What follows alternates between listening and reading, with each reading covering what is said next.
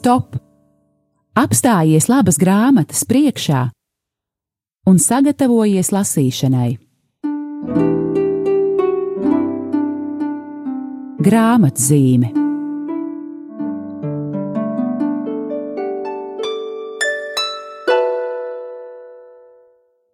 Labdien, mīļie radio Marija Latvija klausītāji! Pie jums studijā ir uh, izdevniecība Mieram tuvu, izdevniecība Kala raksti, un jā, mēs šodien apstāsimies dažādu grāmatu priekšā, un esam šoreiz studijā Laura Feldberga un Dace Biltaure. Un uh, ir tāds laiks, uh, kad uh, mēs vēl neesam gavēnī, ir pagājis Ziemassvētku laiks. Um, mūsu izdevniecībā mēs gaidām kādu jaunu grāmatu, uh, kas vēl tikai top. Uh, Un mums šķita, ka ir īstais brīdis parunāt par tām grāmatām, kas uh, mums šķiet ļoti vērtīgas tieši šim laikam, un kas varbūt varētu iedvesmot gan sagatavoties gavēnim, gan arī, uh, nu, varbūt ar tādu humoru um, pavadīt šo te februāru vēl ziemīgo laiku. Bet sāksim ar to, ka Dacīta pastāstīs par um, īsumā par to, ko mēs tagad gaidām vēl. Jā, paradoxāli ir tas, ka mēs parasti stāstām par jaunajām grāmatām, un tieši šonadēļ uh, viena grāmata ir tipogrāfijā. Uh, tā tiek uh, gatavota uz nākamo nedēļu, tad, kad iznāks jaunie marta mieram tuvu, mēs arī sāksim izplatīt uh, Latvijas draudzēs. Uh, tā ir uh, grāmata Kristus Vivit, Pagaidām es zinu tikai nosaukumu, tāpēc es palūkšu savu eh, jauko kolēģi maketētāju, kur vismaz ir redzējusi, kādi teksti šajā grāmatā ir. Es vismaz esmu maketējot šo grāmatu maz, mazliet tā kā jau palasījusi. Tā ir grāmata, kas ir īpaši domāta jauniešiem, bet ne tikai. Tā, tas ir vēstījums jauniešiem un visai dieva tautai. Pēc sinodas apustuliskais pamudinājums pāvesta Franciska rakstīts Kristus vivit, Kristus dzīvo. Un šim darbam viņu iedvesmojusi 2018. gadā notikusi bīskapu sinode, un pēc šīs tātad viņš saraksta šo te apstulisko pamudinājumu, kas, jā, ir tā kā rakstīts domājot par jaunajiem cilvēkiem, kas, nu, tā kā turpinās baznīcas tradīciju, bet, protams, tā ir lasāma visiem, visu vecumu ticīgajiem. Par šo grāmatu droši vien, nevis droši vien, bet noteikti būs atsevišķs raidījums. Mēs tikai jūs mudinām to gaidīt, un jau nākamajā nedēļā to saņemsim. Un kamēr mēs gaidām jaunas grāmatas, es gribu atgādināt, daudzi mūsu lasītāji ir pamanījuši, ka katru reizi ir tāds brīnišķīgs piedāvājums, mieram tuvu komplekts. Mēs cenšamies katru mēnesi, atbilstoši liturģiskiem gadam un tēmām, pārdot uh, mieram tuvu kopā ar kādu iepriekš iznākušu grāmatu, un tas ir arī ļoti uh, finansiāli izdevīgi, jo, piemēram, ja grāmata maksā 5 eiro, tad attiecīgajā mēnesī komplektā jūs varat pa 5 eiro saņemt gan grāmatu, gan arī mieram tuvu. Piemēram, uh, šajā februāra mēnesī komplektā ar mieram tuvu mēs piedāvājam Anselma Grīna pirms uh, pāris gadiem iznākušu grāmatu Lūkšana kā sastapšanās, un tā ir ļoti mani lasot iedvesmojusi, jo tur ir runāts par, par lūkšanu kā sastapšanos gan ar Dievu, gan pašam ar sevi. Vispirms nonākt kontaktā ar sevi, saprast, kas es esmu, un uzrunāt Dievu kā persona personu, jo bieži vien varbūt mēs ieslīgstam kādos eh, tekstu lasīšanā, dažā, dažādās jau gatavās lūkšanās, un aizmirstam, ka sastapšanās tā ir mīlestības pilna sastapšanās personai ar personu, man un dievam. Tāpēc arī es eh, rindkopu nolasīšu no, no grāmatas pirmās nodaļas, sastapšanās ar sevi. Lūkšana nav dievbijīga bēgšana no sevis, bet gan vispirms godīga un nesaudzīga sastapšanās ar sevi. Tuksneša tēvs Evagrijs no Pontas 4. gadsimtā teica tā: Ja gribi iepazīt Dievu, tad vispirms iemācies pazīt pats sevi. Tā nav ticības psiholo psiholoģizēšana, bet gan lūkšanas priekšnoteikums. Ja es tūliņ aizbēgu dievbijīgās izjūtās un vārdos, tad lūkšana mani aizved nevis pie dieva, bet gan manas fantāzijas plašumos. Vispirms man ir godīgi jāieklausās sevī. Sastopoties ar dievu, man jāsta, jāsastopas arī ar sevi. Turklāt mēs nevaram noteikt, kas ir vispirms - sevis sastapšana kā priekšnosacījums tam, lai sastaptu dievu, vai dieva sastapšana kā priekšnosacījums tam, lai sastaptu sevi. Tās abas nosaka un savstarpēji padziļina viena otru.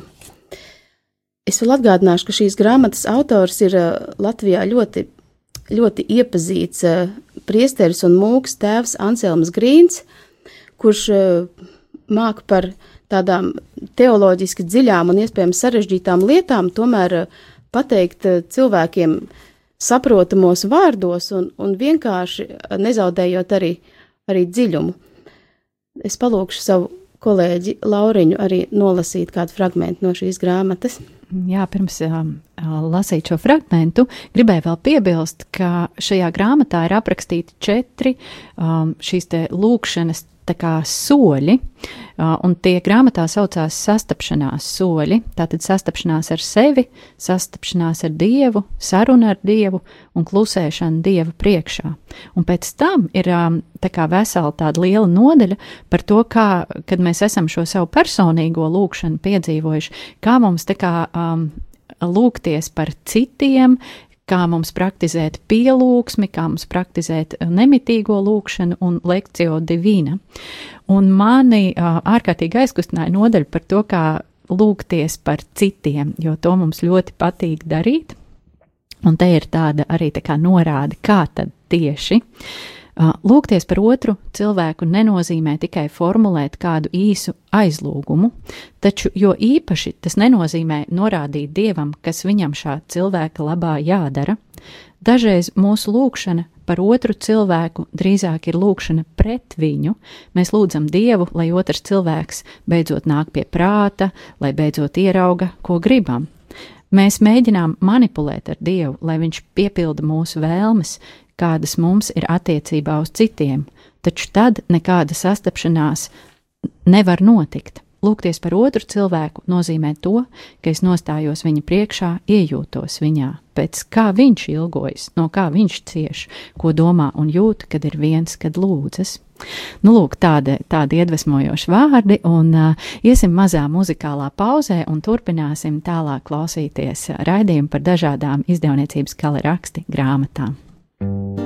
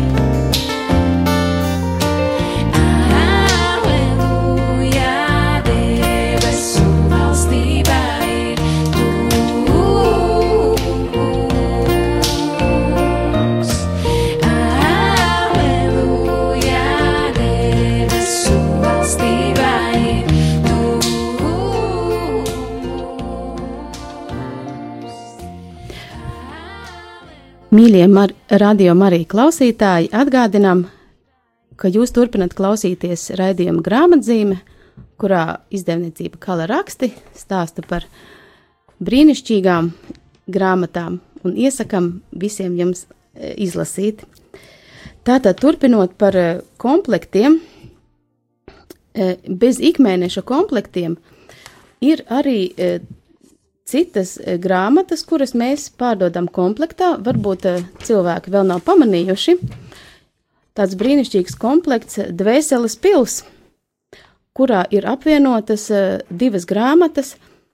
Tā ir pat, pati Terēzes no Avīlas grāmata Dvēseles pils, un e, otra grāmata, gandrīz lielākā apjomā nekā pati Dvēseles pils, ir priestera Antonio Sikarī komentārs pie šīs grāmatas, jo diez vai e, kāds cilvēks mūsdienās vienkārši varētu paņemt Avīlas Terēzi, un, e, kas ir tiešām izcila, izcila un dziļa mistiķe, un bez kaut kādiem komentāriem tā vienkārši saprast, ko viņi ar to gribējis teikt, jo, piemēram, Sikarijas pieņem ir ilgi studējis, studējis un iedziļinājies, lai, lai, lai cilvēkiem darītu saprotamāku uh, mistiķis Avils Terēzes uh, grāmatu, un arī, arī, protams, tas ir lētāk nekā pirkt atsevišķi abas grāmatas.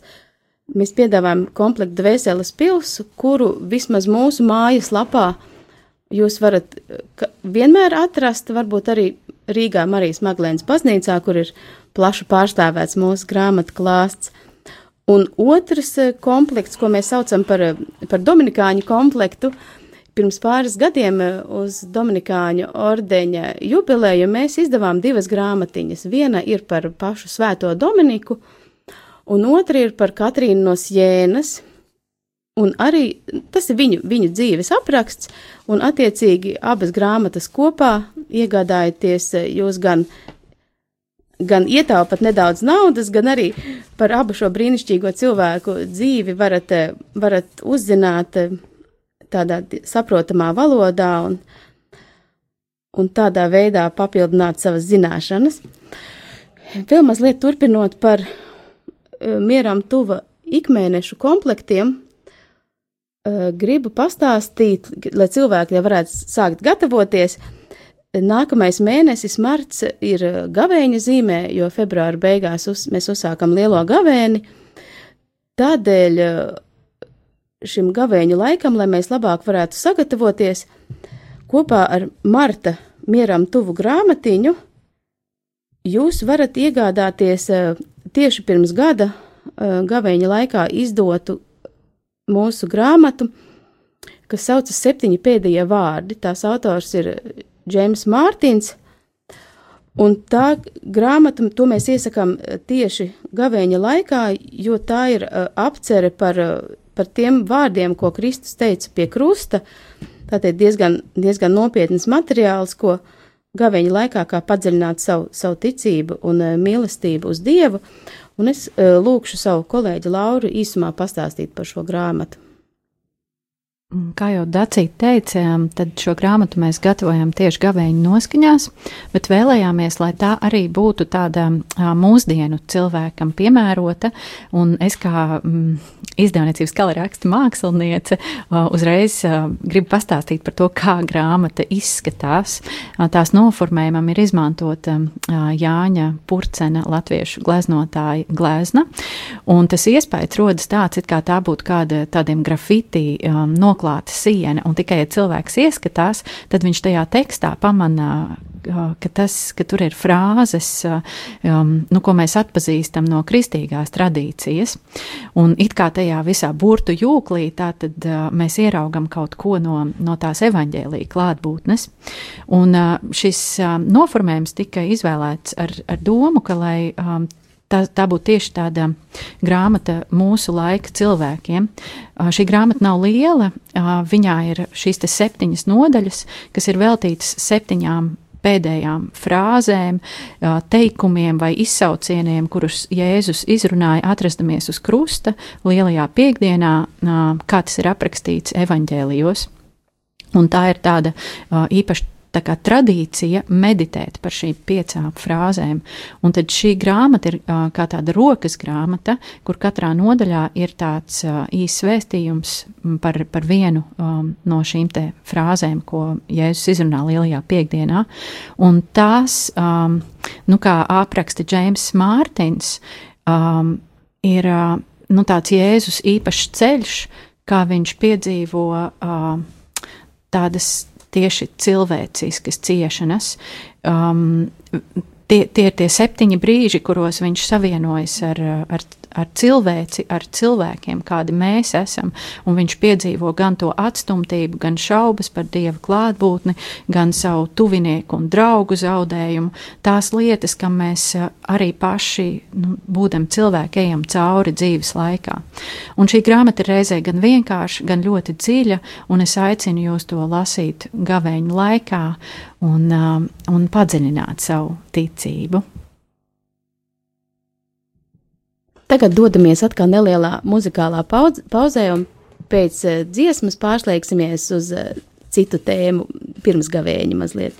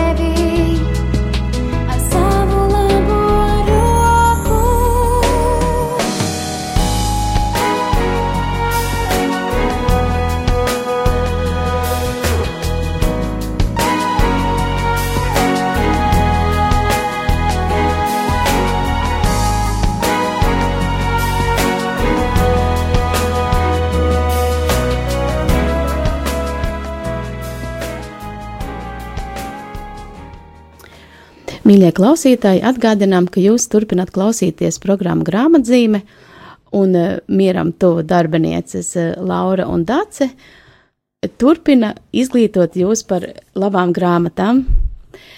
Tā kā šis ir brīdis uh, pirms gavēņa, mēs visi vēl esam tādās pavasara noskaņās, lai gan šodien daudzās vietās sniedziņš uzsniga, bet tāpat gaisā jūtams pavasaris, jo šogad ziema tā arī neiestājās. Un tā, šajā noskaņā mēs ķerāmies eh, pie mūsu uh, grāmatu krājumiem un atklājām, ka ir dažas grāmatas, kuras ir uh, izdotas pirms uh, gadiem, astoņiem vai desmit, un ir pilnīgi nepelnīti aizmirstas, vai arī kaut kādā veidā pat nav, nav pamanītas. Un viena no tām grāmatām ir ir, ir ļoti brīnišķīga eh, Daniela Anža grāmata Smieties un raudāt kopā ar Jāni Pāvilu II. Tā ir eh, tāda brošūriņa tieši mieram tuvu izmērā, varat ņemt līdzi sabiedriskajā transportā, palasīt un papriecāties par dzīvi, jo eh, šī tiešām ir tāda ļoti pozitīva grāmata. Priesteris Daniels Anšs ir apkopojis gan pāvesta Jāna Pāvila otrā sekretāra, gan dažādu cilvēku liecības, un tādus eh, pārsvarā tie ir tādi eh, it kā smieklīgi, humoristiski tādi atgadījumi, eh, kas patiesībā mums atklāja, kāds, kāds bija šis izcilais cilvēks Jānis Pāvils II. Tiešām viena no izcilākajām 20. gadsimta personībām. Paldies Dievam, arī, arī Latvijā viņš ir bijis, un mums visiem viņš tāds sirdī tuvs un mīļš. Un man ļoti uh, patīk, uh, jo vārdi, kurus uh, pāvests kā garīgo testamentu ir izsacījis īsi pirms savas aiziešanas, tie ir: Es priecājos, priecājieties līdz ar mani. Un ļoti jauki, ka tāpat kā pāvestam Jānim 23. arī Jānim Pāvēlam II. nebija svešs humors, viņš spēj, spēja pasmieties gan pats par sevi, uh, gan arī caur jokiem varbūt atklāt kādas sāpīgas situācijas un tiešām nebaidījās no, no, no, no, no smiekliem. E, piemēram, e, tāds, e, tas jau tā teolo, teoloģisks joks ir, ka reiz Vatikānā, kad bija viesojusies grupa itāļu skolnieku, pāvestam uzdeva jautājumu, kāda ir lielākā baznīcas problēma, kas jūs pāvestu nodarbina visvairāk? Un uz to pāvests spontāni ir atbildējusi: Problēma? Šodien baznīcas problēma ir tā, ka mēs neesam svēti, es un tu, mēs neesam svēti, un tāpēc es iesaku šo grāmatiņu mūsu mājaslapā iegādāties, vai varbūt arī e, jūsu draugu grāmatu galdā šī grāmata ir. Turklāt mēs esam e, arī pazeminājuši cenu no eiro 40, jau tāpat bija diezgan neliela šobrīd mums ir akcija, mēs grāmatiņu eh, pārdodam par, par vienu eiro, ir arī vairākas draudzes eh, Latvijā, kas ir izmantojušas šo iespēju un vairumā nopirkušas, lai varētu dāvināt, dāvināt draudzes locekļiem. Varbūt turpmāko laiku pavadīsim vienkārši lasot fragmentus un, un mēģinot uh, saprast, uh, par ko šī grāmata ir, kāda ir un kā, kāds ir tas humors, ko mēs tajā sastapsim par vienu eiro tik daudz labu joku un tik daudz prieka. Man šķiet, tas ir ļoti izdevīgi. Un es nolasīšu tādu vienu piemēru par to, ka mm, pāvestam Jānim Pāvlam II arī bija tādi joki pašam par sevi. Pāvestam patīk apciemot pašā Vatikāna sirdī dzīvojošo kontempla kontemplatīvo māsu kopienu. Šī kopiena tika izveidota 1994. gadā pēc paša Jāņa Pāvila II iniciatīvas. Pirmos gadus savā nelielajā bibliotekā pāvestu uzņem klarises. Kādu reizi Jānis Pāvils II pievērš uzmanību vienādi iesietiem sējumiem un painteresējas, kas tās ir par grāmatām. Tās svētais tēvs ir jūsu uzrunas, un jūs tās lasāt? Nu jā, kāda garlaicība visīstākajā itāļu noskaņā izsaucas pāvests. Nākamo, nākamo. Un uh, Dācīte mani mudina turpināt lasīt. ah, jā, tas ir brīnišķīgs stāsts. Pāvestam Jānim Pāvilam II, protams, bija īpaši tie brīži, kad viņu apciemoja tautieši, poļi, un te ir viens tāds gadījums aprakstīts. Vienos naktī, kad pāvests jau devies pie miera, jaunieši turpina ārā saukt: Runā ar mums, runā ar mums! Bet pēc tam uzsāk dziedāt poļu dziesmu Stolāt, ā, kas nozīmē, lai viņš dzīvo simtu gadu.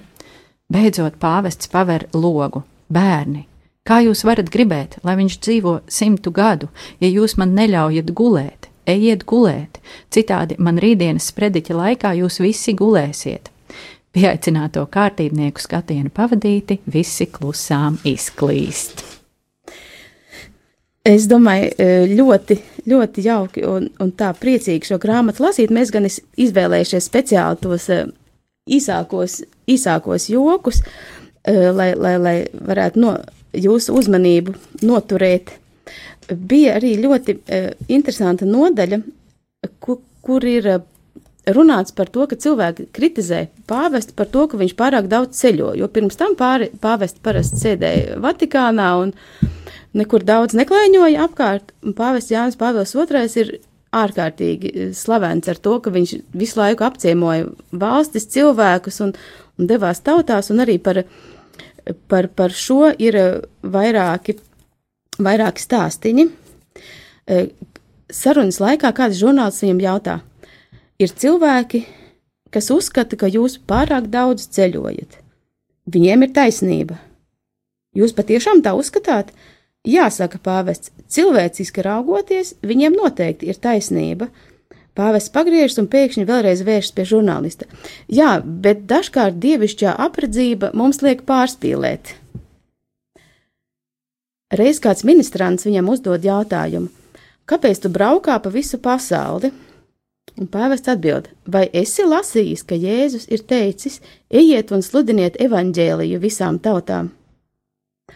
Un kādu reizi, atbildot uz jautājumu, vai pārāk daudz naudas netiek tērēts pāvesta ceļojumiem, viņš saka: Man šķiet, ka ņemot vērā neizmērojamo cenu, par kādu mēs esam atpirkti, mums nevajadzētu būt tik sīkumainiem.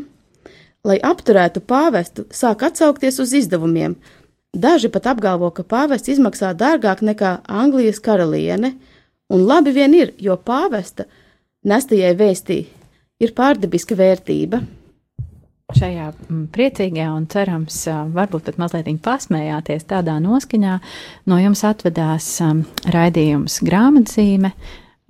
Mēs jūs aicinām kopā ar mums gaidīt grāmatu Kristus Vivit, Kristus dzīvo, un uz tikšanos atkal nākamajos raidījumos. Ar jums studijā kopā bija Laura Feldberga. Un Dārsa Biltāra.